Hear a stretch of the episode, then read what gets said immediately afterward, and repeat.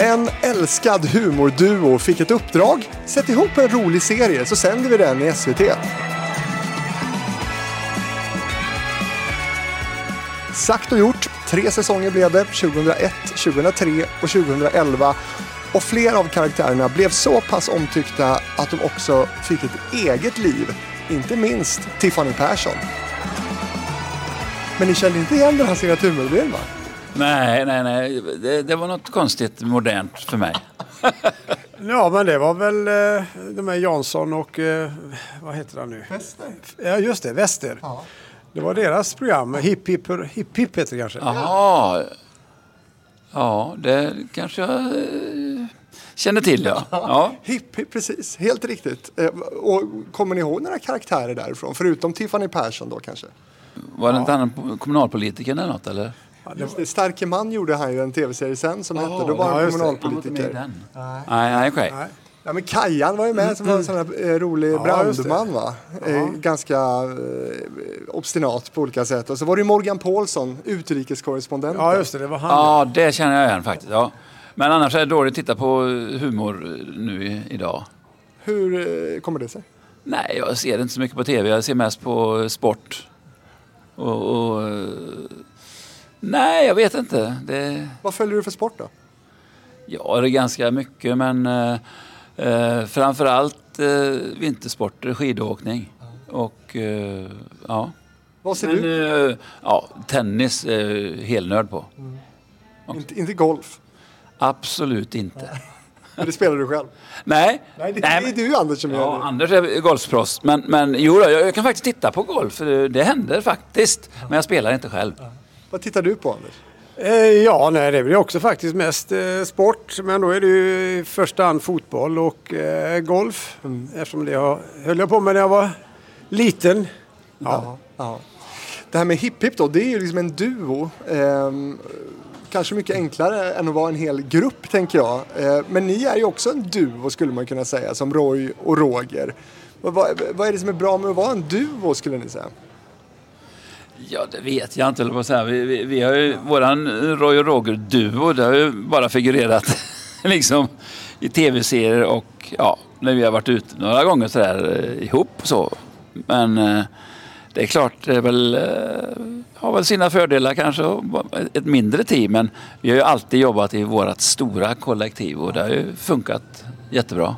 Verkligen. Men du är ju också ute med en duo nu kan man säga. Du och eh, Per Fritzell är ute och, och, spelar. Ja, just det. Jo, vi är ute en, en sväng lite så här. Och ja, jo, men det funkar jättebra och jätteroligt. Men vi saknar ju övriga gänget. Gör du också det? Eh, ja, jag saknar väl att man... Eh, det, det, vi är ju lite decimerade tyvärr just nu.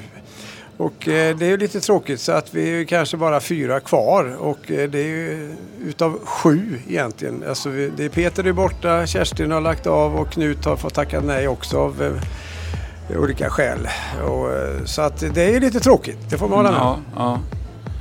Verkligen. Men så är det ju. Ni har ju haft en fantastisk karriär får man väl säga. TV-fabriken från Göteborg med ett avsnitt med en älskad tv-serie och lika älskade skådespelare och galenskapare. Avsnittet är skrivet av mig, Fredrik Rahlstrand, ihop med Patrik Larsson. 10. Starta band. Pass på. Starta TV-publiken om 5, 4, 3, 2, 1. Varsågod. Välkommen Jan Rippe och Anders Eriksson. Tackar, tackar. Tack så mycket.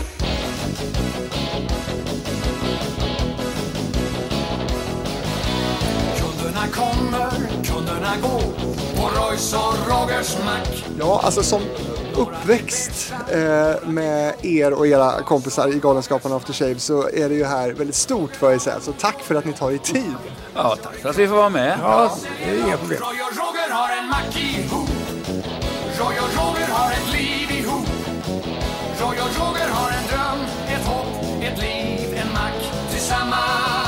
Och vi ska prata om Macken nu. Eh, år 2019 så utsågs Macken till den bästa humorserien genom tiderna i TV4s program Sveriges bästa. En kultserie är det ju. Oj! Ja, det var ju mer än vad vi visste, men det var ju fantastiskt. Det, det tackar Var det så för. verkligen? Ja, ja det är fantastiskt. Jo men, jo, men vi var ju med på någon grej där. Ja. För mig. Vi, vi har varit med på massa jippon kommer vi inte ihåg vad det är vi har fått pris för. nej, jag så kan det med vara. på så mycket olika saker och fått så mycket priser säkert. Men vad skulle du kunna säga, vad har den här serien betytt för er? Ja, men det var ju vårt eh, kanske stora genombrott kan man säga. Vi var ju, alltså, hela i, grejen med macken kom ifrån eh, våran revy Träsmak. Där eh, det var en omöjlig sketch som brorsan hade skrivit om hur man gör radio. Och så skulle han ha en plats på scenen där radion alltid stod på. Och då kom han på att en bilverkstad, där står radion alltid på. Och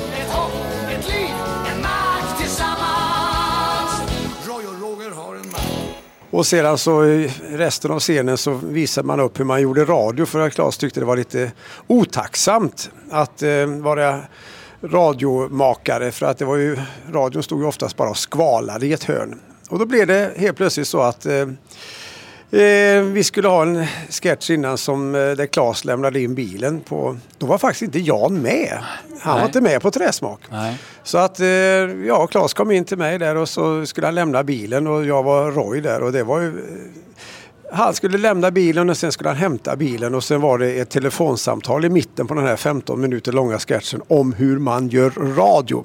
Och det folk kom ihåg av detta så var det tydligen, det var ju den här lämning och hämtning av bil på verkstaden.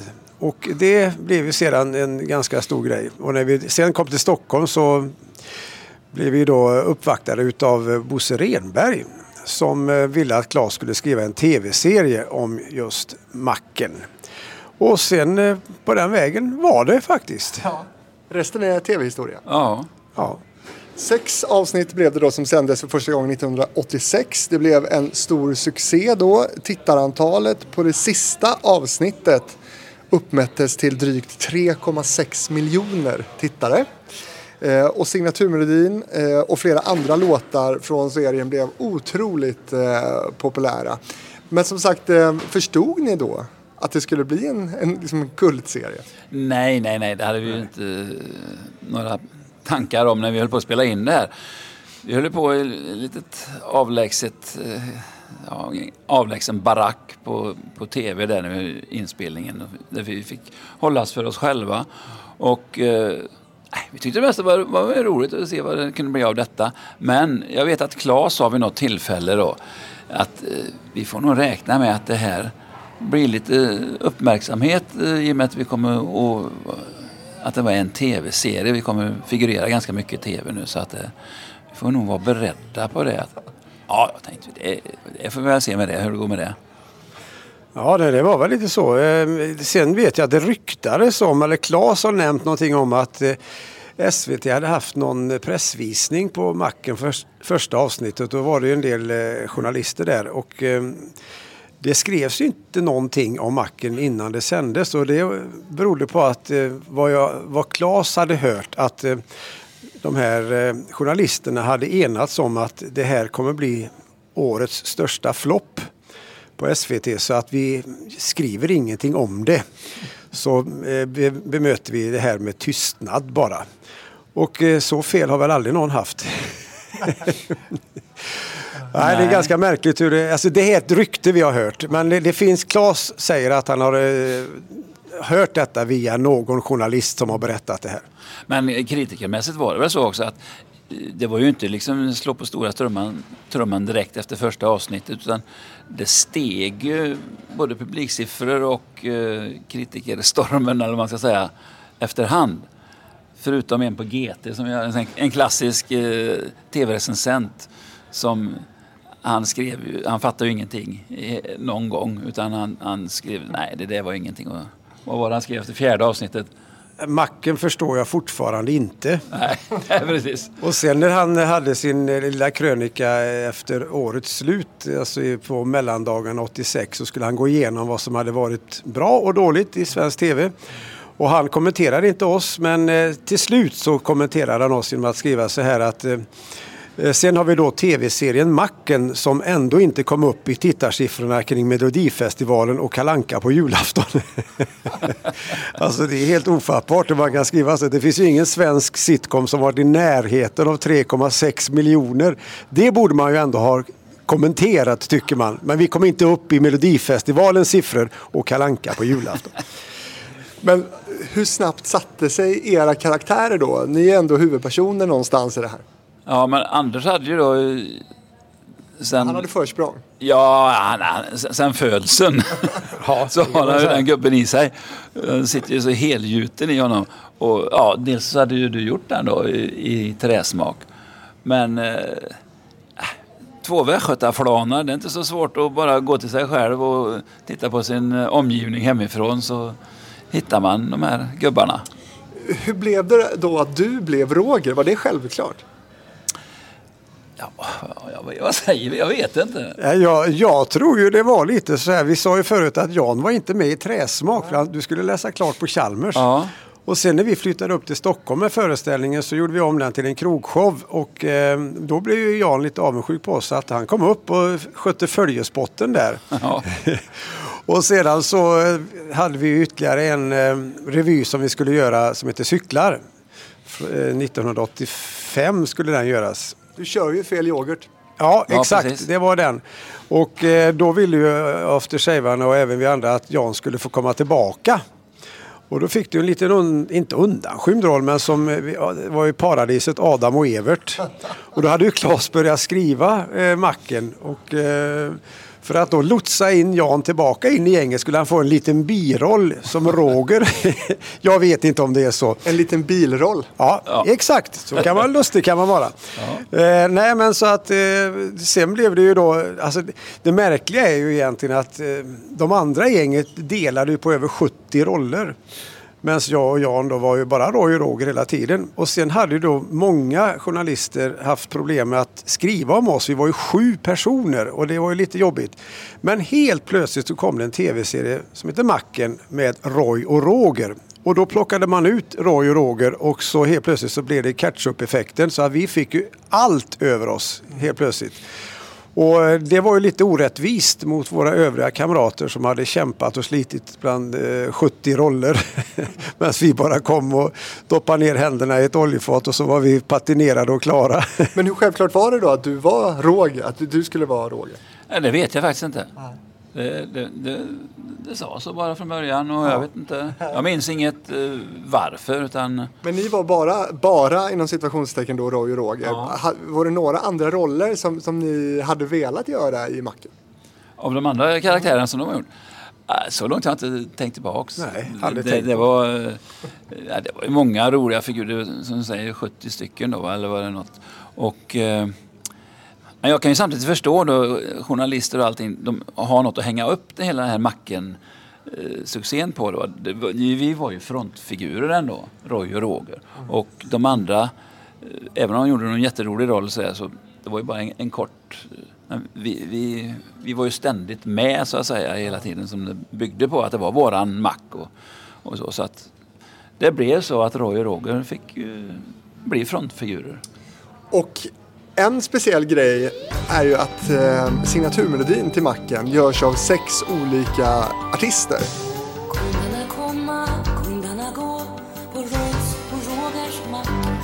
Ja, det är eh, Lasse Lönndahl, Björn Skifs, eh, Nisse Landgren, Lill Lindfors, eh, Susanne Alvengren. Susanne Alvengren och, Bobby Sox. Ja. Snyggt där!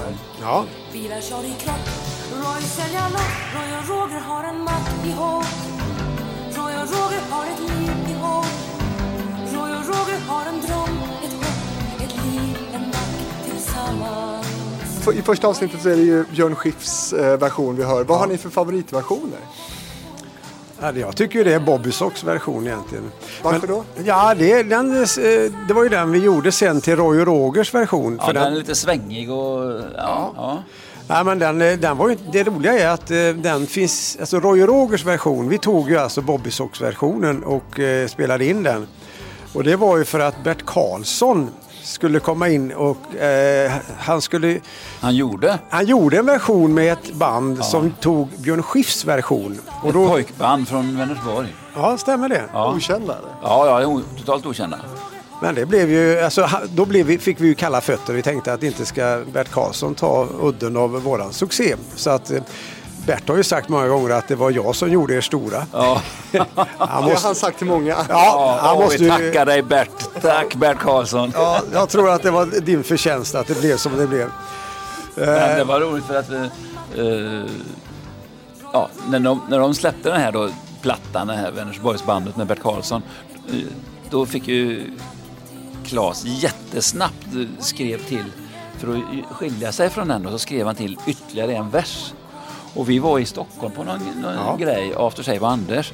Och så ringer Claes och säger Fan ni måste snabbt in i en studio i- ikväll i natt och, och spela in. Ja, det var i här." Göteborg. Vi fick åka ner till Ja, Göteborg. så vi fick åka från, Göteborg, eller från Stockholm till Göteborg till studio Bohus och spela in detta. Och vi står där på natten och, och ja, fan vi måste göra.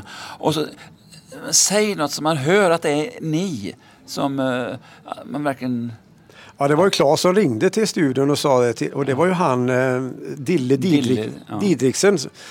En känd gubbe i branschen som var tekniker. Han sa det att Claes har ringt och han eh, vill att ni ska säga någonting innan låten och efter låten så att man vet att det är Roy och Roger.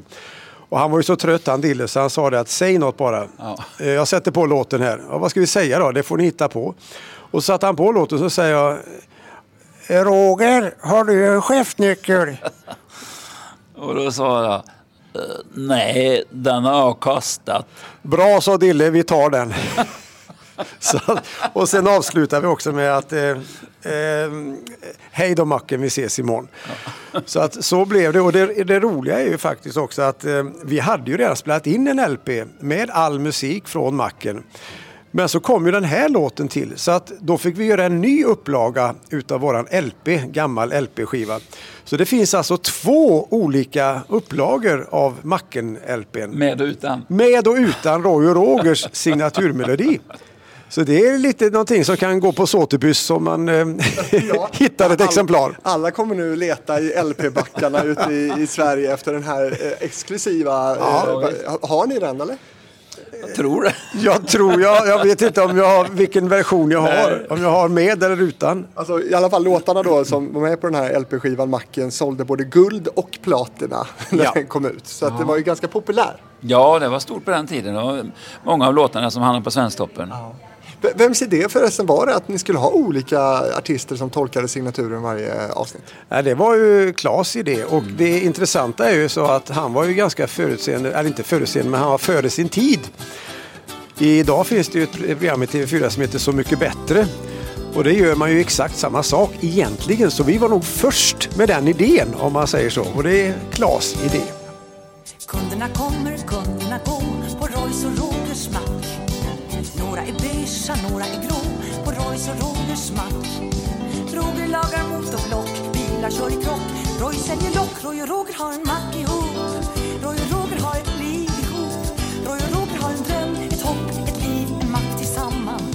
Jag hörde om någon eh, Netflix-serie också som också byter eh, version av signaturmelodin fast varje säsong också. Så att det, det, ni, men ni var säkert först, absolut. Vi var absolut först. Ja.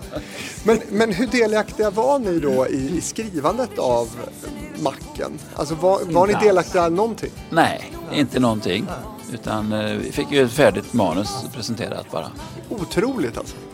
Ja, men Claes har ju alltid varit eh, flitig och enorm på att mata oss med manus. Och, och det här var ju, som Anders berättade, en hel, liksom, ja, ett uppdrag egentligen från eh, SVT att, att skriva den här tv-serien om, om en bilverkstad. Ja, det var väl så. eh, Så att vi var ju inte med i, det, i den fasen att skriva. Nej. Kunde ni påverka karaktärerna någonting så att säga, när de kom till er? Så att säga? Kunde ni... Ja, Jag var ju redan inne i rollen, men för Jans del så det, det var ju ingen, vi har ju ingen regi. Nej, Utan, utan det, var, det var ju, det blev som det blev. Nej, men man kände väl ungefär, eh, ja, i och med att vi, ja, vi kände ju varandra ganska väl redan då. Och ja, ungefär, prövade sig fram lite när vi, Alltså, vi var oerhört välrepeterade. Det finns nog ingen tv-serie som är repeterad så mycket som Macken. Eh, Hur kom det sig då? vi hade väl satt upp våra, några revyer och föreställningar då. Och då ja, man var van att repetera ordentligt då, och, och vi ville väl vara ambitiösa och, och, och pålästa och välrepeterade innan själva inspelningen. Ja, vi hyrde en lokal i Gårda i Göteborg där vi repeterade macken hela tiden. Och, så vi, var ju, vi kunde ju manus allting när vi kom till Stockholm så det var ju väldigt lugnt för oss. Och det, vi var ju ett hörn på gamla A1 där TV hade sina studios, där Studio B och Studio H där man gjorde Nöjesmaskinen och Nöjesmassakern och Jakob Stege och allt vad det hette.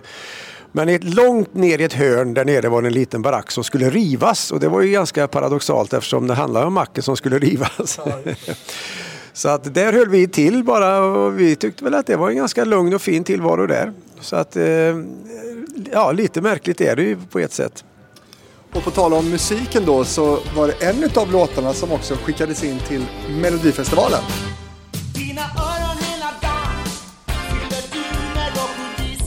Ja, den här, eh, enligt uppgift, ni ser förvånade ut här, men det här skickades tydligen in till Melodifestivalen 86. Så kan det nog ha varit. Alltså nu, nu får vi backa bandet långt. Minnet är inte riktigt med. Men, men det, det, jag har ett svagt minne av det. Ja. Ja. Jag för mig också att, att din bror eh, bekräftade detta när jag pratade med honom om det. Men den ratades dock lite synd för den är otrolig. Det är ju en riktig hit där. Hur hade det gått tror ni? Ja, jag vet inte hur, hur det var på den tiden. Melodifestivalen på den tiden såg ju inte ut som den eh, gör nu. Melodifestivalen varje år. Ja, den är, den är bäst. Nej, men eh, jag vet inte. Den är säkert kunnat placera sig.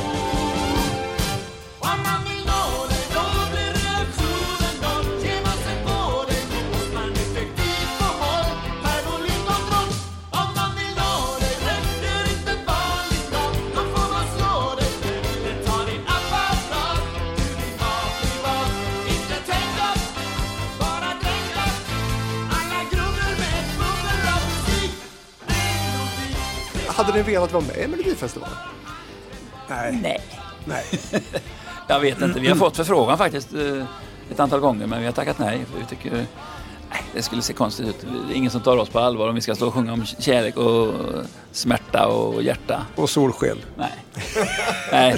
Så att vi... eh, Det är bäst vi håller oss undan sånt. Ja. Va, va, vilka år pratar vi som ni har fått förfrågan att vara med då?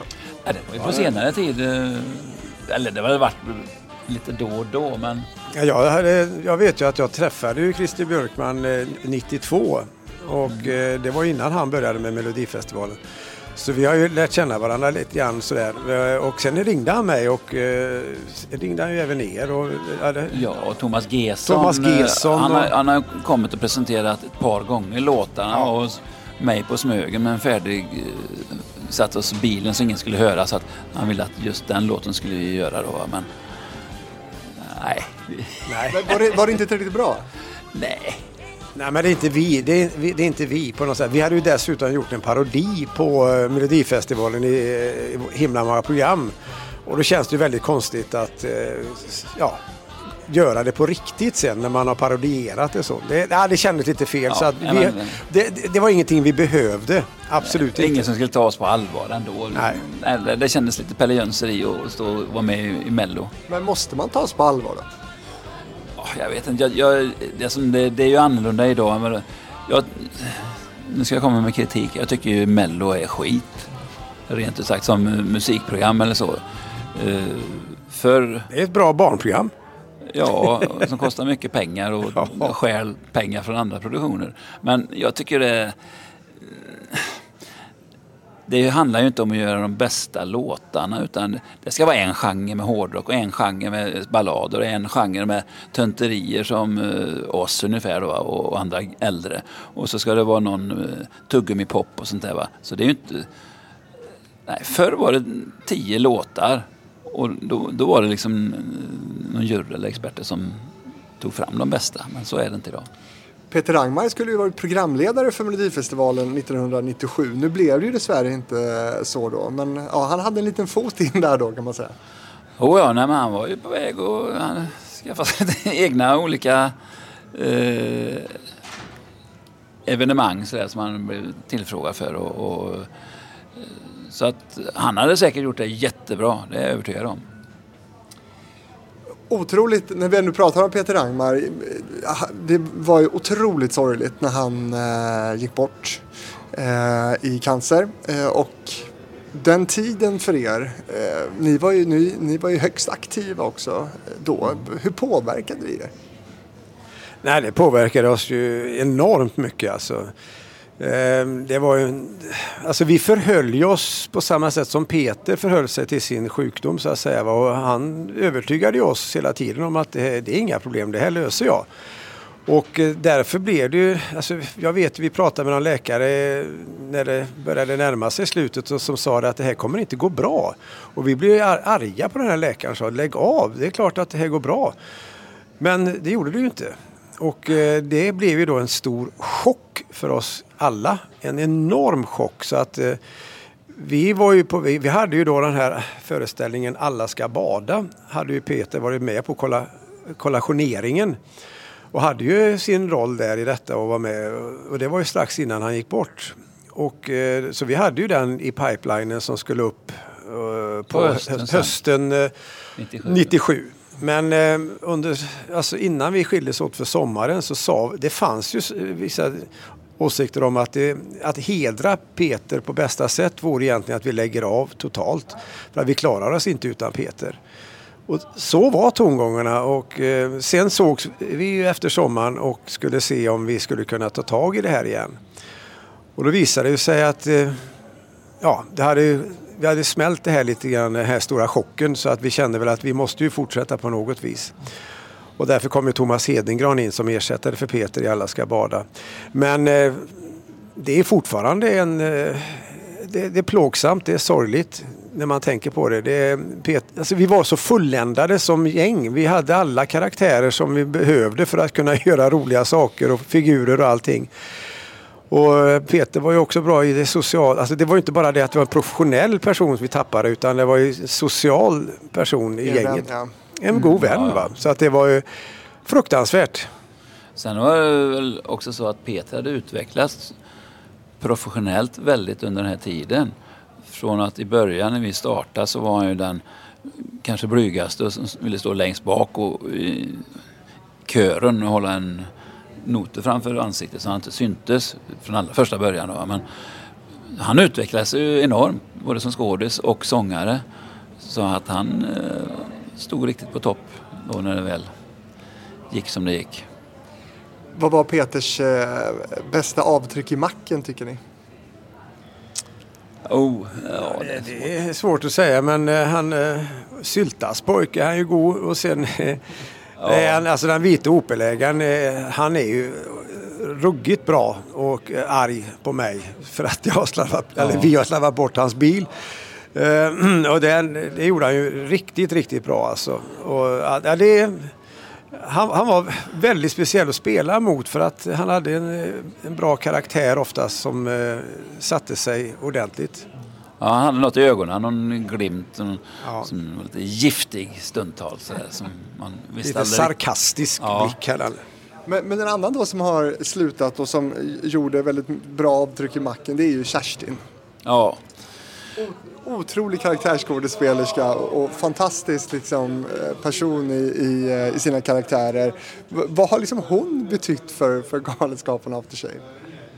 Ja nej, men hon har ju fått stå ut med oss gubbar och killar och i alla år och, och med den äran och, och verkligen eh, gjort massa olika roller som eh, hade vi gett oss in på att göra en massa damroller, det där hade blivit buskis på hög nivå då. Men hon har gjort eh, allt från eh, gamla tanter till unga tjejer och med bravur. Och, nej, hon har betytt jättemycket. Och det har, det har gjort att det har kanske blivit ett annat klimat i gänget också. Va? Om det bara hade varit, eh, det hade blivit för grabbigt annars.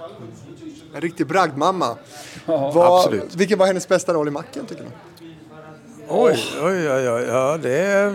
Kommer ju inte ihåg alla Nej, roller, det, det är det. nej, det är ju så mycket. det Men, var så eh, länge sedan man såg Ja, serien. när, när såg ni macken senast? Oj, jag har inte sett eh, hela serien. Jag har inte sett på många, många år. Nej, nej, nej, nej, nej, nej. Jo, nej, det var länge sedan. Ja, Nej, men, eh, har du någon... Eh, Ja, min bilreparatör är ju läcker. ja, där är hon riktigt bra. Ja, Eh, och- Den låten där, ja, ja. när du spelar trumpet.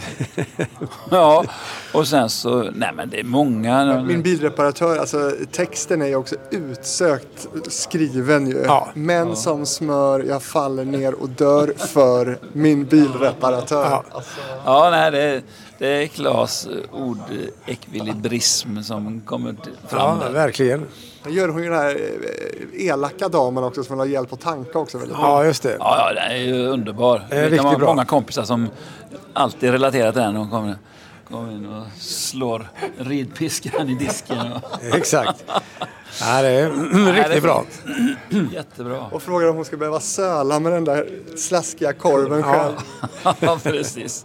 Men du, ni var inne på det, det här gjordes ju på SVT på gamla A1 på Vallalavägen i Stockholm. Varför gjorde ni inte på SVT i Göteborg? Nej, det där är intressant faktiskt, att det inte blev så. Eh, Men eh, vi hade, Claes hade ju uppvaktat SVT, eller eh, vet du det, det hette väl SVT Göteborg då eller något sånt där. Ja. Ja, det och det var. ju Sten Previn var ju chef här nere. Och eh, Claes hade blivit refuserad varje gång han var där och uppvaktade dem med olika idéer och allting. Och sen det var när vi kom till eh, Stockholm med Cabaret just på den här, eh, våran föreställning Träsmak. Träsmak. Så var ju, det drö- dröjde ju en vecka så hade ju hela Nöjes Stockholm varit och tittat på det här. Va? Bland annat många producenter på både tv och annat. Och eh, då kom ju det här erbjudandet från Bosse Renberg som jobbade för drama på den tiden antar jag. Så därför gick vi förbi eh, Göteborgs TV. Och, eh, Ja, ni det, blev ratade av dem helt enkelt. Ja, så var det ju faktiskt. tidigare blev eh, Claes blev ju refuserad av, av hans, med hans grejer som han var, hade där. Vårt första egentliga samarbete då när vi ihop eh, Galenskapen After Sig när vi började. Då var ju idén att egentligen kanske göra något tv-programförslag som Claes hade väl en idé om. Och pratade då med Sten Previn och vilka det nu var här i Göteborg. Men eh, nej, det var inte intressant. Och det var då vi kom på att nej men eh, då kommer vi väl pröva att göra en live-föreställning istället då.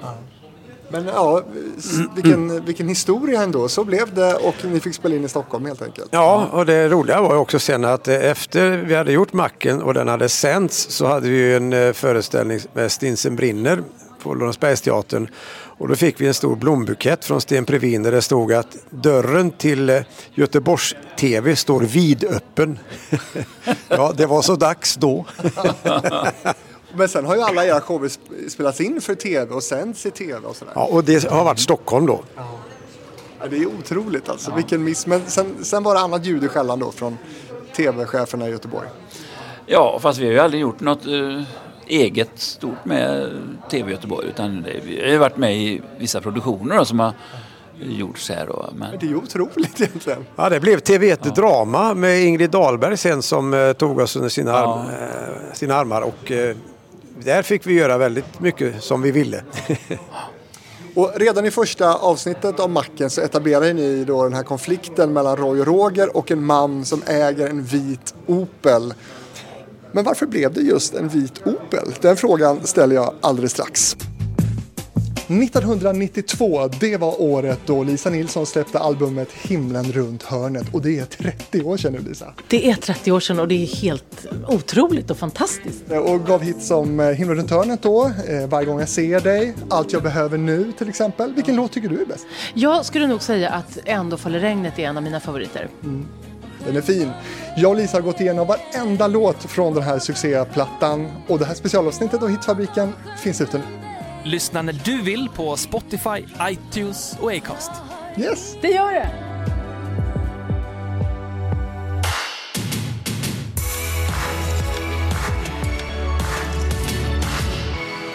Men det här är TV-fabriken från Göteborg med Roy och Roger, alltså Jan Rippe och Anders Eriksson.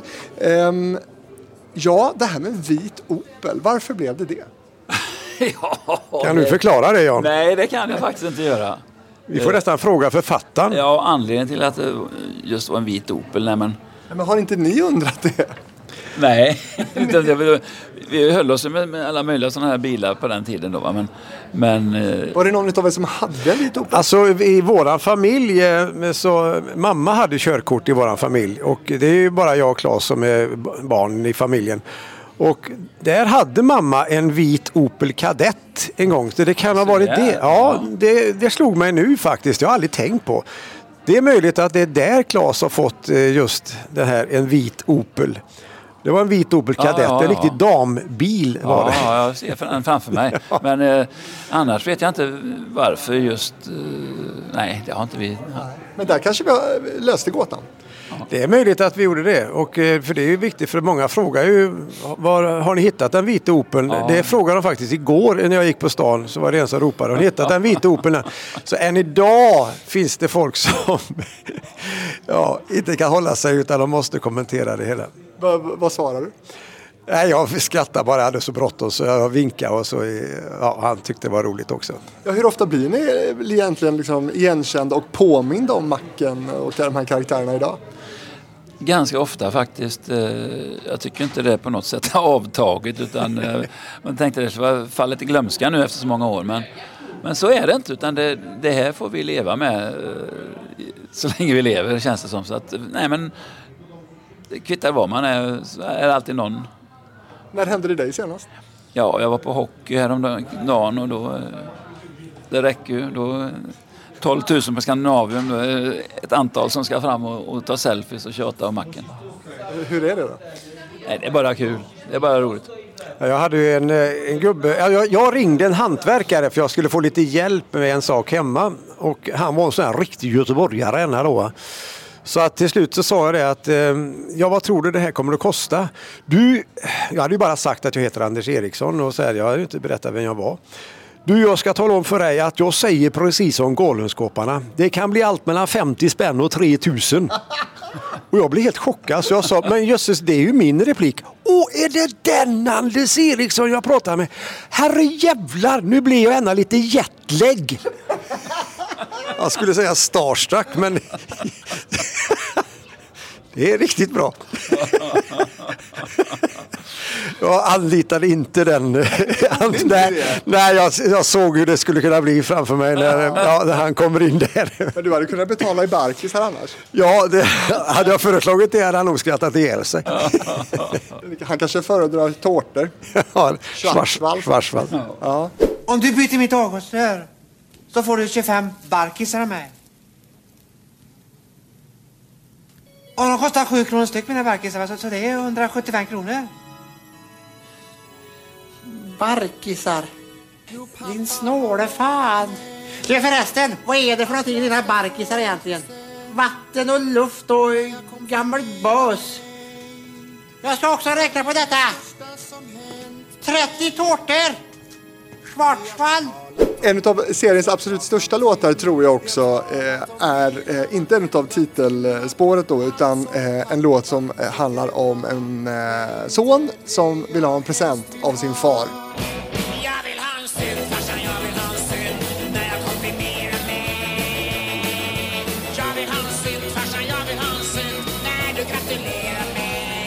Ja, eh, det här måste vara en av de största hitsen från showen va?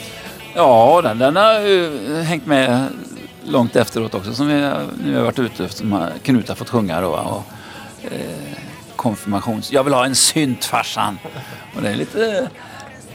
Det var lite blandning av både rock och punk eller vad man ska kalla det. Det var, det var bra ös i den.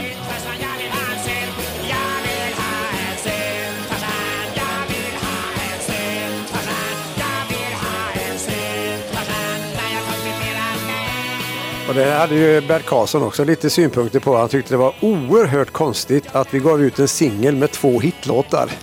Alltså Macken-signaturen på framsidan och konfirmationspresenter på baksidan. Ni förstår ju inte hur man ska göra, man får ju spara på hitlåtarna.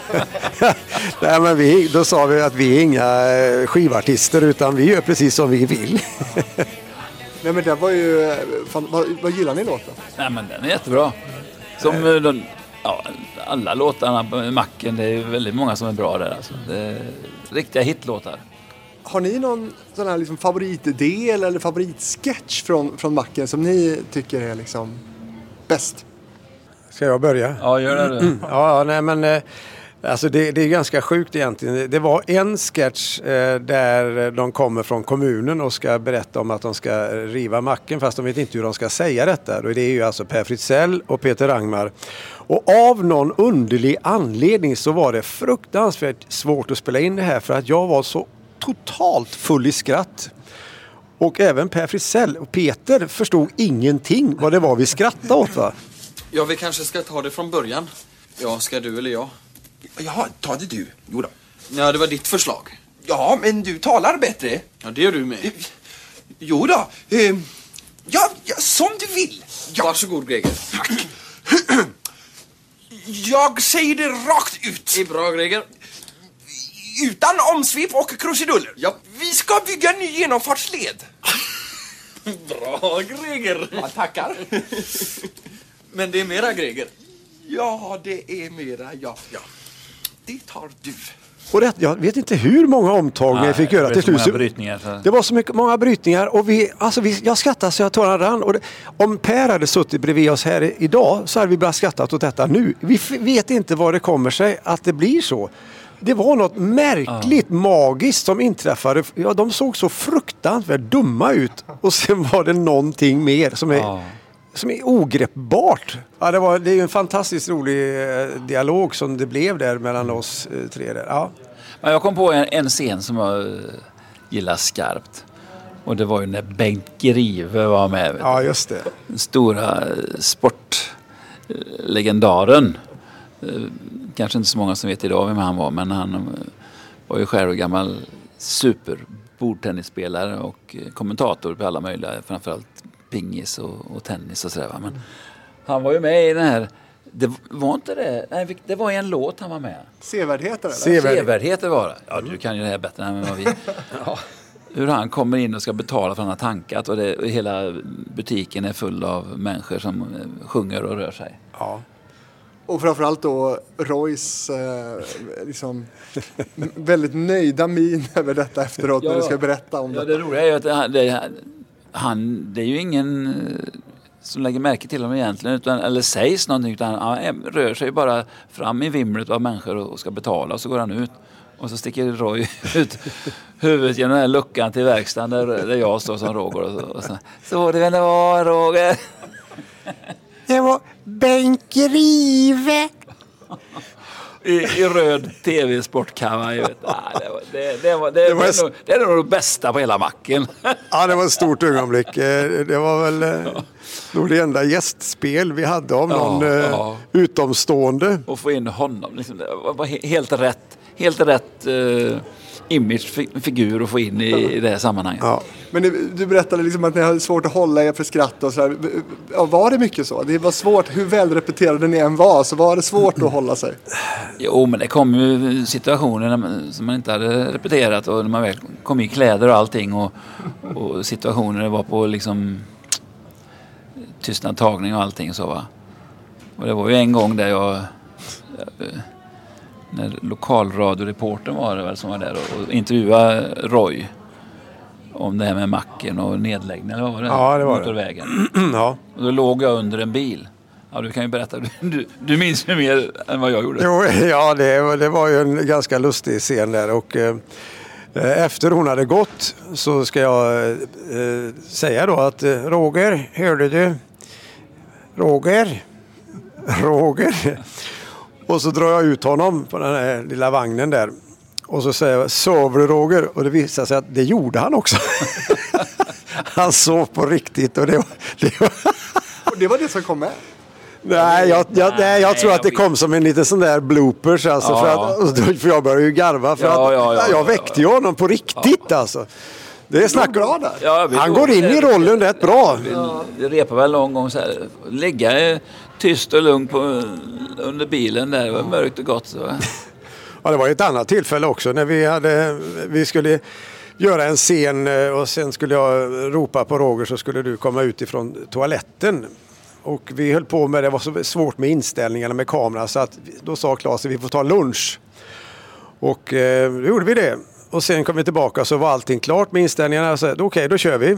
Och så eh, säger jag då Roger. Och då ska han ju komma ut från toaletten. Inte kom han ut därifrån och så öppnar toaletten, det är tomt. Så undrar jag, var är han någonstans? Då ligger han och sover på kontoret. Verkligen hemmastad i er barack. Ja, ja, ja. Oh, ja.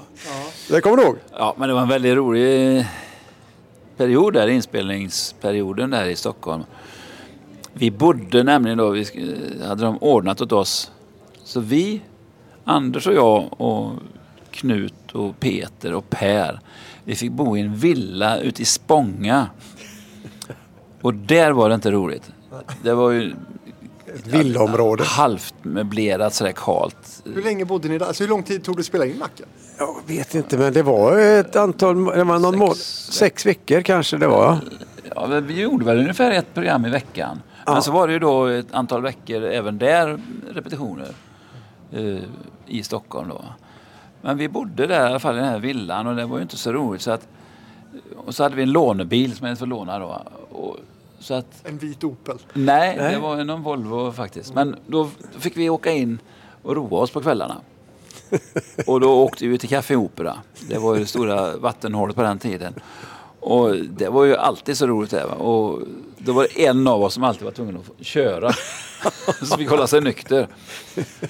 Och så var det då Vissa dagar var det någon som inte började förrän på efter lunch och sådär. Med någon scen och sådär. Så att, då var det extra roligt för den. Då var inte alls han, han med bilen hem sen på, på natten. Fick ta sig hem för egen maskin eller på något annat sätt. Var det också så att ni också spelade in Macken lite bakis alltså?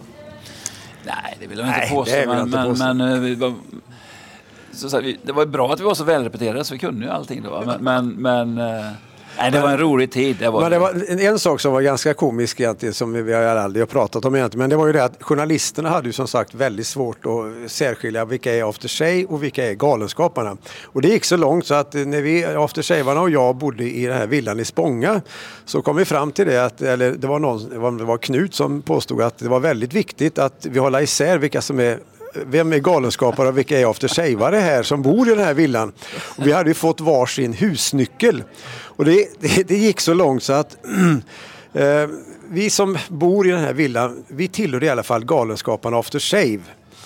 Det vet vi i alla fall, för vi har varsin nyckel. Och så att varje morgon när vi skulle åka iväg så fick en person gå ut och så fick han låsa med sin nyckel för att veta att han är med i Galenskaparna After Shave. Och det var alltså fem man som fick gå ut en och en och låsa efteråt.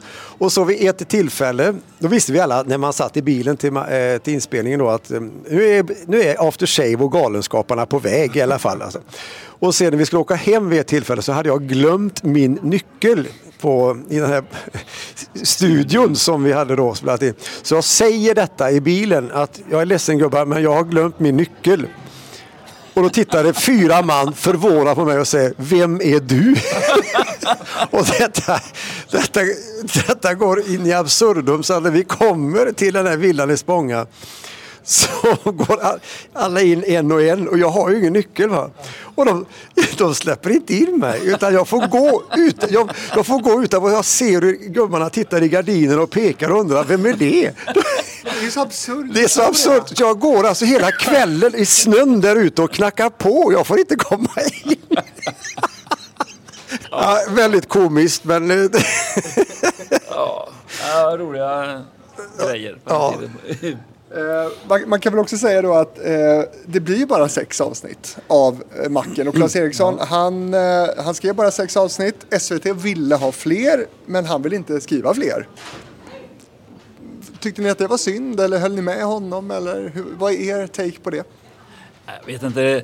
Claes hade sin åsikt klar. Att han, hade, han tyckte han hade tömt eh, innehållsmässigt vad han kunde komma på. Och nya kunder som kom och allt sånt där. Och, och, men när man väl stod där efter den stora succén så kan man kanske känna att ah, det hade nog varit roligt att, att gjort uh, lite till. Men uh, det var Claes som kände att nej, han hade inga... Han ville ju hela tiden gå vidare med nya projekt. Ja, han hade tömt ut det här. Men vi, vi fick ju faktiskt också förfrågan att göra eh, julkalendern i tv som med Roy och Roger. Men även det tackade Claes nej till. Jag tror han fick förfrågan två, tre gånger och göra det. Och, eh, men vi, eh, det var ju Claes som var motorn i gänget så att han hade ju redan eh, påbörjat nya projekt. Så att Ja. det var ju bara att gå vidare helt Han var enkelt. redan vidare. Ja, Han var vidare. Och det har ju hela tiden varit så att han vill inte... Efter han har sjösatt ett projekt så vill han börja skriva något nytt och så, och så inte gå tillbaks till det gamla. Utan, nej. Men det här blev en sån formidabel succé. Ni var ute på signeringsturnéer som urartade och det var vakter och ja, de här skivframgångarna. Gick det här er åt huvudet någon gång? nej, det vill jag inte påstå. Utan vi har, I och med att det har varit ett gäng hela tiden så eh, är det ingen som har liksom tillåtit sig att, att sticka iväg någonstans. Utan, utan, nej, vi har varit, tror jag, ödmjuka och, och hållit det på en bra nivå. Och reklamsamarbeten nobbades också, det har ni berättat om. Hur mycket pengar är det ni har nobbat egentligen? Det är en, det är en hemlighet. Ja, det, det, det, är tur vi inte har räknat ihop alla de eh, erbjudanden men det var, det var mycket. Det var. På den tiden. Ja, det var, ju, det var ju så mycket så att vi anlitade faktiskt, eller vi rådfrågade Björn Wangsson som på den tiden hade hand lite grann om eh, både Björn Borg och Stenmark. Och han hade ju aldrig någonsin sett eh, sådana kontrakt, Erbjudanden. erbjudanden och så höga summor i Sverige. Och, eh, så att vi hade ju en stor diskussion om hur vi skulle hantera det här men jag, tog, jag, tyckte vi tog ett väldigt klokt beslut när vi höll på att spela in eh, filmen Leif då. Eh, då samlades vi alla på, vid inspelningsplatsen där och så hade vi ett möte där vi konstaterade att, eh, eller beslutade att vi ska inte använda våra gemensamt framtagna karaktärer och figurer i kommersiella sammanhang. Men om någon eh, privat så att säga får eh, förfrågan och så vidare så får man gärna besluta. Är det upp till den då? Är det upp till den personen för vi skulle inte bli livegna så att säga. Va? Och det beslutet har vi hållit sedan dess och det är vi väldigt glada för. Sen var det också eh, reklambranschen, eller man säger, så, såg lite annorlunda ut då än vad det gör nu. Då var det lite, nästan lite B-aktigt att göra reklam. Ja. Ja. Nu, nu är det.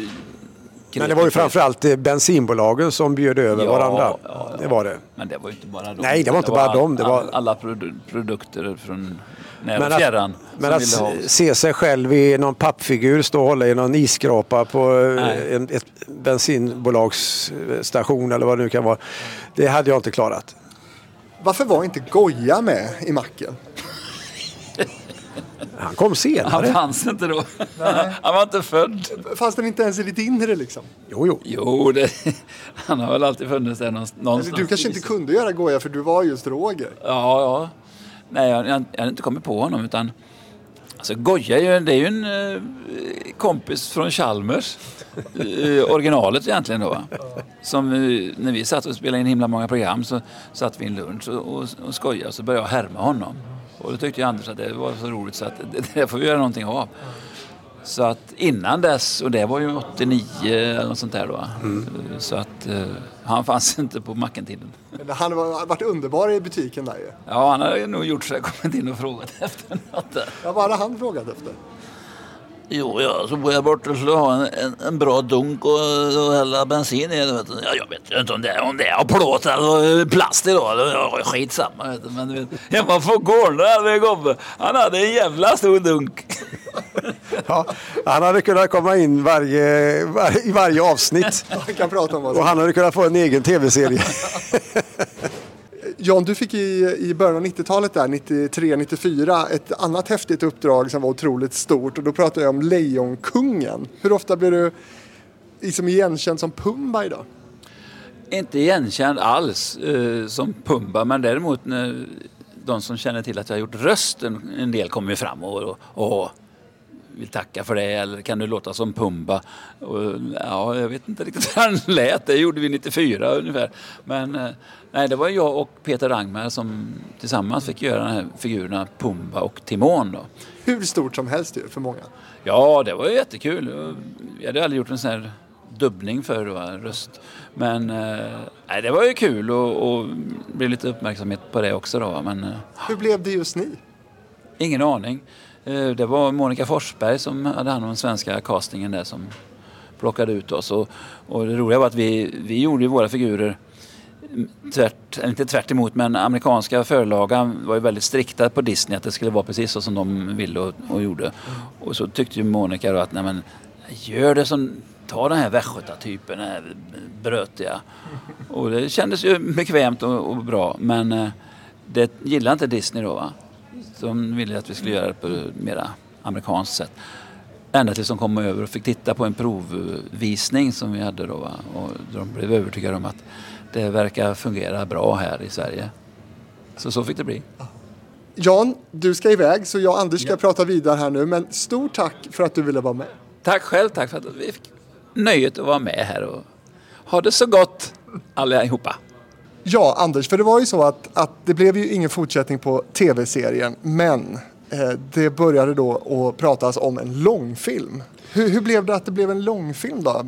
Ja, det, det är ju så långt tillbaka så det är svårt att minnas exakt vad som eh, hände. Men eh, Det var fyra år efter serien så Ja. släpptes då Macken, Roys och Rogers bilservice. jag tror att eh, Claes var lite ledsen över att han inte hade skrivit eh, några fler avsnitt av tv-serien Macken för att det blev ju ett sånt enormt genomslag och han tyckte väl att eh, där fick ju jag verkligen blomma ut i min karaktär. Så att på något sätt så eh, hade man, hade, han hade väl närt en liten idé om att kanske göra en eh, långfilm då istället. Så att eh, eh, vi skulle göra en liten spin-off på serien. Så att jag tror det var av den anledningen egentligen. Han tyckte nog lite synd om mig. det är inget vi har pratat om men eh, det, det kändes så när han eh, var och pratade med mig om idén så att säga. Då såg jag det lite på honom att det kan ha varit det som var orsaken. Ångrar han också tror du att han inte skrev en fortsättning på tv-serien då? Ja, det tror jag inte egentligen utan han eh, hade ju som sagt känt att han hade tömt ut det han kunde av just den här eh, idén som han hade om macken. Vad tycker du om filmen?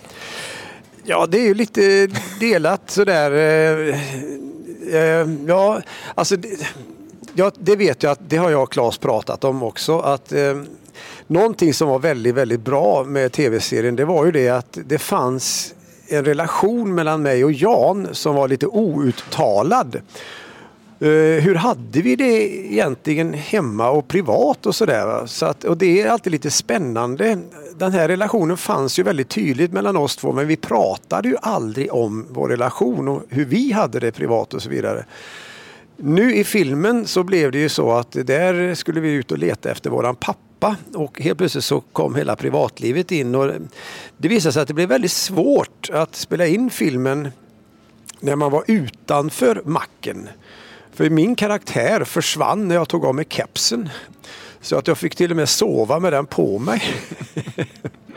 Vilket är väldigt märkligt. Så att, eh, jag tycker väl att det är synd att eh, ja, den blev inte riktigt hundra. Eh, sådär. Så att jag är väl, eh, jag ska inte säga att jag är besviken, det är jag inte. Men eh, det, jag tror att den här relationen mellan jag, mig och Roger så att säga, den, den skulle ha förblitt eh, oförstörd om man säger så.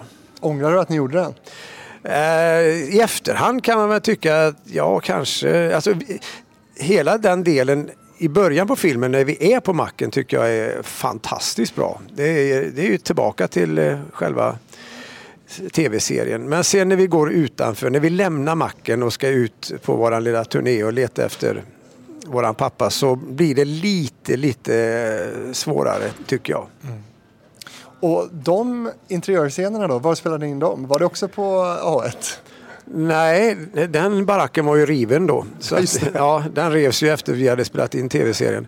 Nej, interiörscenerna gjordes ju, det var ju SF som hade den här produktionen så att det var ju deras studio. Eh, Jag tror det var Gröndal i Stockholm som vi spelade in den. För där hade vi även spelat in eh, Leif, eh, filmen Leifs interiörscener. Fick ni samma känsla där då, i, i den här macken? Ja, det fick jag ju faktiskt. Det var ju våran fantastiska scenograf Rolf Allan som eh, eh, även gjorde scenografin i, inne på studion i Gröndal. Så att det var inga problem, absolut inte. Och Rolf Allan som också gjorde alla era liksom, text, alltså logotyper va? Ja, layouten på alla Ja, grejer som vi hade. Ja, helt otroligt. Och sen var det ju naturligtvis väldigt, väldigt roligt att filma i Bitterna. Och det var, det, det var ju en ganska absurd situation. När vi, vi skulle ut och leta efter en, en bra inspelningsplats, hitta en mack. Precis, för nu skulle ni för första gången visa exteriört då vad den här Exakt. var. Ja. Och det var ju, vi åkte, alltså vi, jag och Claes och Rolf Allan åkte ut åt varsitt håll så att säga. Och så skulle vi leta efter var vi skulle hi- hitta den här macken.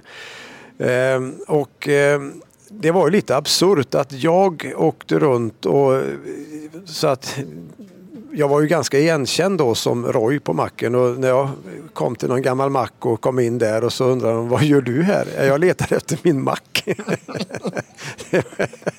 det, det tyckte ju alla var väldigt skojigt. Ja. Men vid ett tillfälle så fick jag ett tips om en eh, mack eller en verkstad. Den hade varit mack tidigare men nu var det bara verkstad. I Bitterna. Och jag åker dit. En, eh, Utanför Vedum. Utanför Vedum ja, precis. Där hamnade jag en eftermiddag och dörren stod lite på glänt och på farstutrappen eh, vid huset intill där så satt en katt som tydligen hette Verkmästaren, det visste jag inte då. Men det fina var ju den här verkstaden, den var ju fantastiskt fin och då stod det BMW. Stod det. Men det var BM och så enkel-V.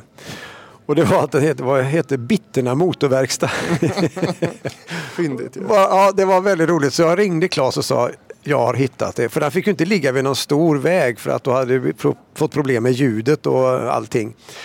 Så att eh, Claes åkte dit senare, några dagar senare och då var Nisse och Sonja som eh, bodde där och Nisse som ägde macken, de var ju där så de blev ju otroligt lyckliga över att vi skulle då få spela in, eh, eller spela in macken, filmen där exteriört. Och det var ju en... Det eh, är stort för dem. Liksom. Ja, det var enormt stort för dem.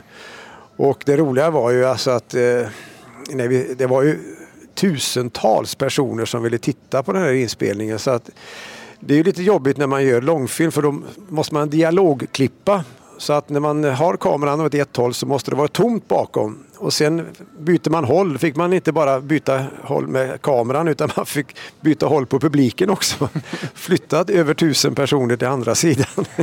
Här, var det så mycket folk Ja, det var, jag, jag tror att det var som mest var det nog en, nästan 2000 personer. Men det, är Som, ju, det är ju galet. ja, så att när man ser själva de exteriöra delarna utav filmen där, hur de, när vi filmar dem, så är det väldigt lugnt och fridfullt. Men man ska veta bakom kameran är det 2000 personer. Vad gjorde alla dessa 2000 personer? Ja, de ville bara se det här. Eh, Ja, det var helt makalöst. Eh, Ja, vi, var helt chockade. Det kom folk från hela Västergötland för att titta på när Roy Roger skulle komma till Bitterna. Ja, men det, ja, det är ju liksom också tecknet på hur otroligt stort det Ja. var med er och Ja. Roger och Macken.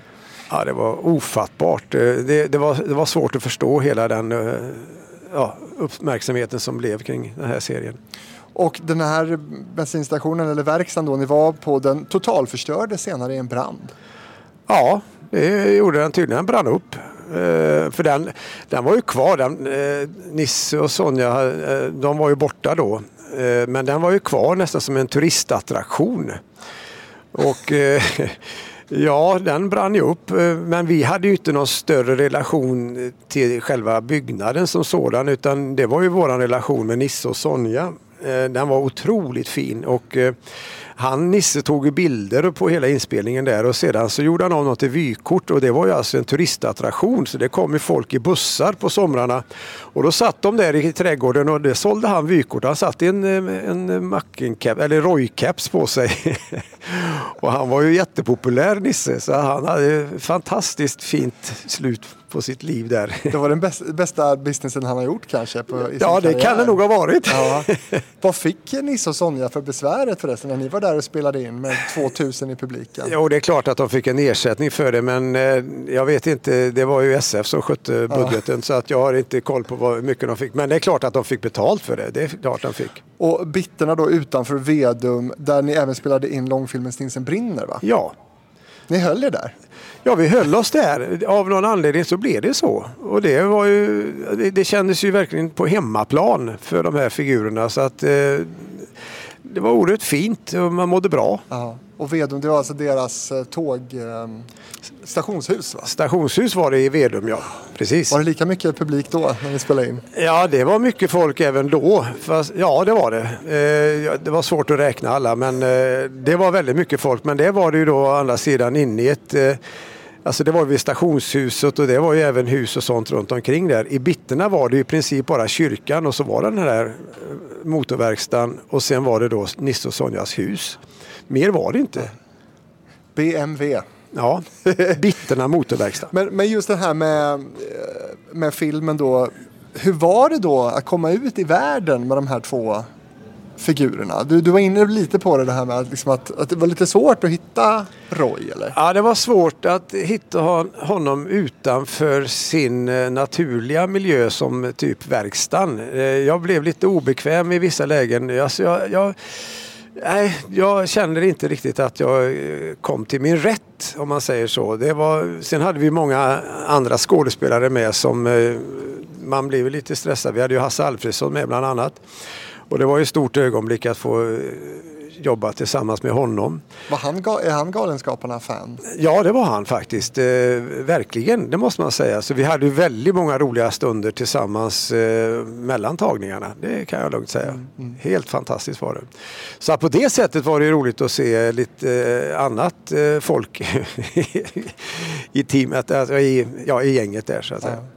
Och i den här filmen så förekommer ju en låt som kanske skulle bli ett, liksom Mackens eller Roy och Rogers största signum. Livet är gott, världen är stor. Här sitter vi, jag och min bror. Fisken i sjön sover nog nu. Den är nog trött, eller vad tror du? Det ska vara gott att leva. Ja, det blev ju tydligen så. Och det var ju en... Eh, ja, det är ju gott att leva som du tänker på. Det är ju lite lustigt för att eh, när jag fick den låten av Claes så frågade han mig vad tycker du om den här? Och jag började, ju- alltså musiken är ju lite speciell och det är typiskt Claes Eriksson-låt. Men samtidigt så gillade jag texten väldigt mycket för att eh, den påminner en del om eh, eh, själva Macken-låten. Som också är, alltså det är sällan Claes skriver låtar som är lite fragmentariska. Det är oftast en berättelse som är väldigt tydlig och som är väldigt finurligt eh, gjord och så vidare. Men här, eh, eh här är det fragmentariskt. eh, Alltså som i Macken-låten så är det kunderna kommer, kunderna går. eh, eh På Roys och Rogers mack. Några är beiga, några är grå på Roys och Rogers mack. Och så Roy och Roger har en dröm, ett hopp, ett liv, ett makt. tillsammans. Ja, vad det nu är. Och här är det samma sak i Gott att leva. Är det, eh, här sitter vi, eh, jag och min bror. Eh, och, så fisken, den är nog trött. Eller vad tror du? Det ska vara gott att leva, annars kan det kvätta. Fint. Så han, där är, man, man känner ju innebörden i själva texten väldigt tydligt. Men det är inte så jättetydligt eh, sagt egentligen vad, vad fin den här innebörden är. Sover nog nu. Den är nog trött. Eller vad tror du? Det ska vara gott att leva, annars kan det kvitta.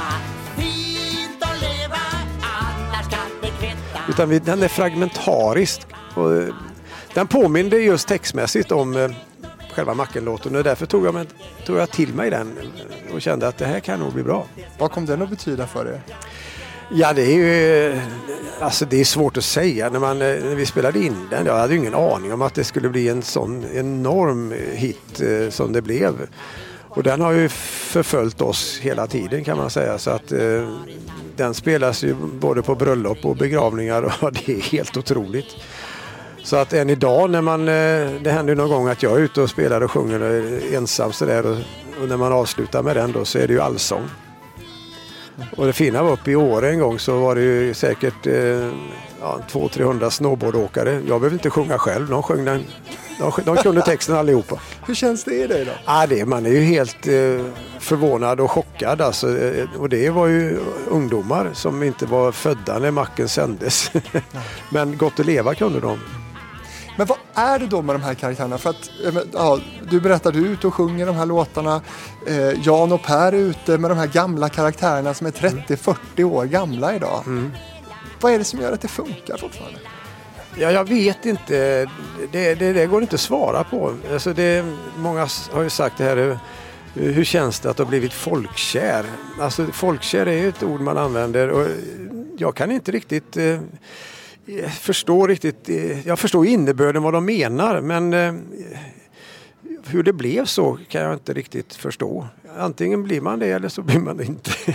Det är väl för att du har underhållit svenska folket i eh, alla dessa decennier. Ja, men just att karaktärerna har blivit så folkkära. Jag, alltså jag kan ju säga det att när Mackens första avsnitt sändes så jag har nog aldrig varit så rädd i hela mitt liv. För då kom det över mig helt plötsligt att jösses, ska det här nu visas för svenska folket? Jag kommer att bli kallad för Sveriges största ärketönt.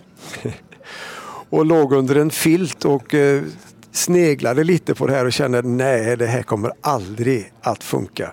Så kände jag. Men direkt, Självkritisk. ja, det var det faktiskt. Men direkt efter programmet så eh, ringde några goda vänner i branschen och sa att det här var fantastiskt. Det här är riktigt bra. Och jag, då kände jag att jaha, det kanske, det kanske var okej. Det är riktigt, riktigt bra. Ja. Fortfarande. Ja, det är, det är märkligt att, och det fick vi ett kvitto på att eh, när vi satte upp macken på scen här på Lorensbergsteatern 2016. Det var ju 30 år efter att macken hade sänds i tv. Och eh, då fick vi ju ett kvitto på att det här håller ju faktiskt fortfarande. För vi hade inte ändrat någonting i texten utan vi skulle göra det precis som det var.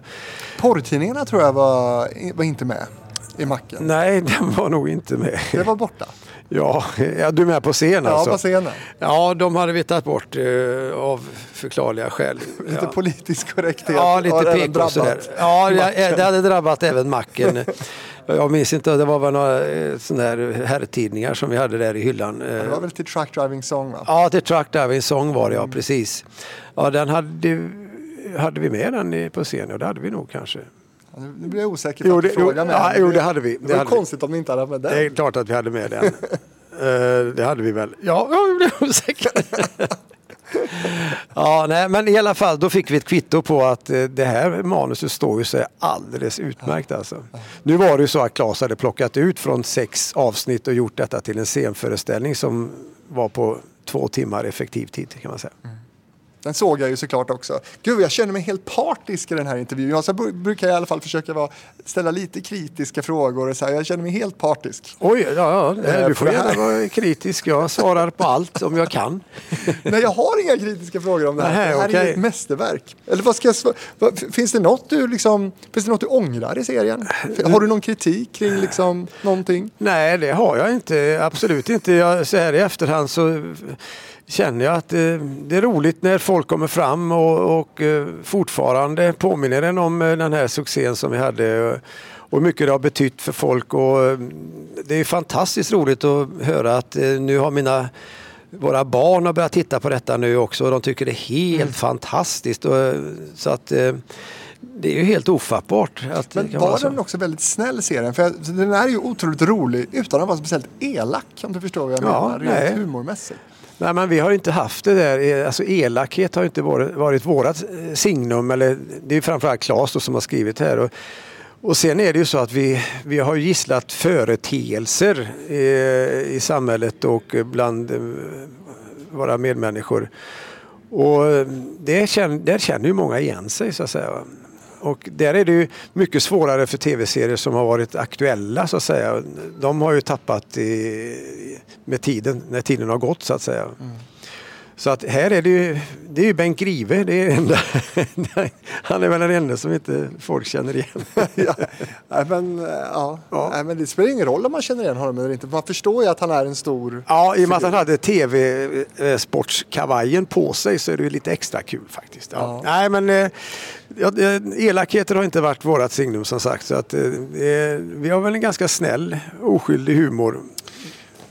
Rolig scen också när du ska eh, tipsa om filmer. Också. Ja, just det. Jag tror fan det är les- något lesbiskt i den också. Väldigt roligt också.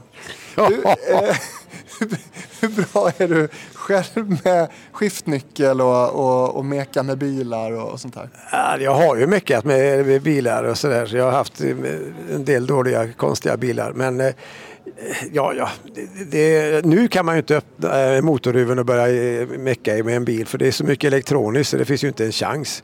Däremot på min gamla hundkoja och min gamla Volvo Amazon kombi, där öppnade man motorhuven. Där såg man ju allt fungerade så att eh, det var ju bara att sätta igång. Hur många bilar har du idag? Jag har en bil alltså. En bil? Ja, en Vad är det för något? Vad kör du? Ja, det är en liten elbil har jag. Och det är väldigt praktiskt. Du vill inte nämna några märken eller? Nej, det gör jag inte. Det. nej, nej. Okej, nej. Nej, men, eh, nej, jag har en vanlig liten elbil. Eh, oerhört praktiskt faktiskt. Med egen laddstolpe hemma? Ja, jag har faktiskt en liten eh, laddapparat där som jag laddar då. Roy och Roger, de har inte liksom ens kunnat verka i den här nya världen med bilar eller? Nej, det hade de inte kunnat göra. Det är, alltså mackarna idag är så totalt annorlunda mot vad de var då när vi spelade in den här serien. Så att det. Eh, ja, det ser ut som stenåldern när man tittar på ett avsnitt av macken. Men, för nu säljer man ju mera korv och bröd än vad man, eh, ja, Bullar säljer, olja, ja, än vad man säljer olja och sånt. Men vad händer då när du går in på en mack idag? Ja, det händer väl att eh, folk eh, känner igen en. Det, det, gör det, det är helt klart. eh. Men förr var det nästan omöjligt att gå ut alltså. Så att, ja, det var, det var ett, ett, ett tag där det var otroligt hysteriskt kan jag säga. Och det- fick man ju vänja sig vid. Och det har ju naturligtvis eh, mattats av. Självklart har det gjort det. Va? Men eh, ändå så är det då att man blir påminn ett par gånger i veckan fortfarande. Och hur mycket är du ute och spelar de här låtarna nu och så? Ja, det är inte mycket. Det, det händer mest på, nu är det, man blir inbjuden på några 70-årskalas. Ja, men det gör ni liksom? Nej, det är jag själv då som, eh, i och med att jag känner då. Jag, det, oftast är det någon jag känner. Eh, annars så kommer jag inte utan det är för att eh, vara snäll mot mina bekanta och så vidare. Så att då kommer jag gärna och gör lite framträdande och det är rätt kul att se. De tycker fortfarande det är jätteroligt. Nu har jag två frågor kvar. Den första är, är kärlek större än bilar? ja, det är klart att det... Vad fint. ja. På något sätt. Jo, på och få avsluta så. Ja. Och eftersom det här också är en tv-podd så måste jag också fråga den här frågan. Nu är ju inte du eh, aftershavare men rena rama Rolf-signaturen. Är det de som sjunger på den? Eh, Ja, det ska du inte fråga mig. Nej. Men det har jag faktiskt aldrig hört att de har gjort. Men eh, nej, det kan jag inte tänka mig. Eller så har de mörkat det. Går rykten om att det är de som sjunger in den signaturen och den är ju väldigt mycket stämsångig. Så att, Ja, kommer du ihåg hur den gick? Nej, jag kommer inte ihåg hur den jag ska gick. spela den för dig sen. Ja. Eh, Anders Eriksson, eh, vi ska avrunda. Jag ska säga att om du som lyssnar vill komma i kontakt med mig så är det då en e-post man kan använda sig av. fabrikspost@gmail.com. Är det någonting som jag borde ha frågat dig som jag inte har frågat om macken nu? Eh, ja, det finns det. Vadå? Eh, nej, men alltså hur de, eh, alltså hur de här karaktärerna så att säga eh, blev så levande utanför macken också lite grann. Eh, alltså, ja, jag, jag tänker på en sak faktiskt. Det, var, det, det kom lite överraskande för mig. Vi, vi hade ju repeterat och vi var så manuslagda och så vidare. Och så helt plötsligt så får vi en förfrågan från eh, en kvällstidning från eh, södra Sverige som hade ett söndagsreportage där en känd person skulle laga en trerätters middag. Och helt plötsligt så kommer förfrågan till Roy och Roger. Kan ni tänka er att göra en trerätters middag? Och jag sa nej direkt först. Men sen tänkte jag det kanske är roligt att se hur de här personerna, för de ville prata lite grann om, om privatlivet och så vidare. Med jag- Roy och Roger. Med Roy och Roger va. Och det hade vi aldrig tänkt om de har ett liv utanför sin mack. Men i alla fall så ringde jag Rippe och han sa det är klart vi gör. Och mycket riktigt så tackade vi ja. Då kom det en reporter och en fotograf ifrån eh, södra Sverige upp till Göteborg och vi hade en liten lokal på Guldheden med en kokplatta. Eh, en kokplatta hade vi. Och sen så, ja, det här är... Vi bjöd då på en trerätters Eh, det var, till förrätt var det hönökaka och stekt ägg. Gott. Ja. Och till varmrätt var det rotmos och fläskkorv. Och sen var det då till efterrätt schwarzwaldtårta som vi hade köpt. Och det här var, en, alltså, det här var helt absurt. Men då och där, då var ju jag, Jan, Roy och Roger som tog emot de här. Va? Och de in i den här lokalen och det, var ju, alltså, det såg ju inte klokt ut där inne. Och vi hade varit nere och handlat ingredienserna och jag vet att när eh, reporten frågade, vi måste ha noga med recept och vi pratade hela tiden. Ja, du, eh, hur går det Roger? Jag har du fått igång fläskkorven? Och då gick jag omkring och bara garvade. Och så sa hon att vi måste få ett recept på hur stort kålhuvud ska det vara till fyra personer. Och så säger Rippe så här som Roger, han tittar på det här kålhuvudet och säger det ska vara som ungefär som huvudet på en mindre boxer. och då kände jag att det här blir riktigt bra. Det här blir riktigt bra. Och så hade vi dukat dem med ett lakan vi hade hittat i källaren och det var så att det var avrivet på ena hörnet. Men jag tänkte det, det ordnar sig, det ser bra ut där. Och så vi drack genomgående pucko till den här middagen. och, och så sitter vi där och säger då hon eh, reportern att eh, Ja, jag måste kommentera dukningen också. Jag ser att det är, eh, det är avrivet i ena hörnet. Eh, Vad kommer det sig? Ja, säger eh, Roger då. Det beror på att eh, vi hade den här duken när vi hade kräftskiva förra lördagen och Örjan han, han blev så jävla full så han kräktes och det, det gick inte att tvätta bort så vi fick riva bort. Och då spottar fotografen ut pucko på bordet av skratt. Och då går Rippe bort och river bort den här puckofläcken och säger pucko går inte heller att tvätta. Och alltså då, jag har träffat den här eh, personen som intervjuade. Hon sa att det är den absolut roligaste intervju hon någonsin har varit med om. Och Vem det, var det då? Ja, jag, jag vet inte vad hon heter. Nej. Och det här blev ett reportage i den här kvällstidningen. Ett, eh, I mittuppslaget på den här söndagsbilagan. Och det är alltså helt sinnessjukt att läsa om detta. Och vi visste ju inte vilka frågor vi skulle få heller. Och då var det ju så att eh, eh, senast lästa bok så tittar hon på Roger och då säger Roger Ja, eh, jag har inte läst någon. Eh, Senast sedda film? Ja, Full fräs i harem. Då tog jag den från macken. Ja, det är jätteroligt. Ren improvisation då? Ren improvisation, va? Men, men betyder det att de här karaktärerna, de, eh, de lever och Ja. funkar i er? Ja. Oavsett egentligen? Ja. Och hur nära har du till Roy sådär dagligdags? Ja, alltså väldigt nära. Får man på sig kepsen och, eh, eller det räcker med kepsen så helt plötsligt så kommer den här karaktären. Och jag, pratat, jag pratade mycket med Lasse Brandeby om det. Han sa när han får på sig sin kavaj och frisyren så kan inte han styra över den här gubben. Han tar tag i, i Lasse och sen händer saker som han inte ens kunde drömma om. Och så är det lite med Roy också. Vi pratar väldigt likt i de typen av karaktärer att de tar över fullständigt alltså. Och det är väldigt roligt. Det, jag vet inte, jag blir rädd ibland när jag står, vad fan säger han för något? Men så har du också haft honom i dig i 30-40 år? Ja, jag har haft honom i mig och eh, han lever ett eget liv i mig faktiskt. Eh, och det är väldigt roligt. Och, Tänk så mycket glädje ändå som ni har spridit och fått av de här karaktärerna. Ja, så kan ja, man det, säga. ja, det är roligt att eh, göra det här ibland. Så. Och vill, vill man nu se då hur Roy och Roger ser ut idag, då kan man också gå in och följa TV-fabriken på, på Instagram och på Facebook. Anders Eriksson, stort tack för att du ville vara med. Tack så hemskt mycket. Hej då Mocken. Vi ses imorgon.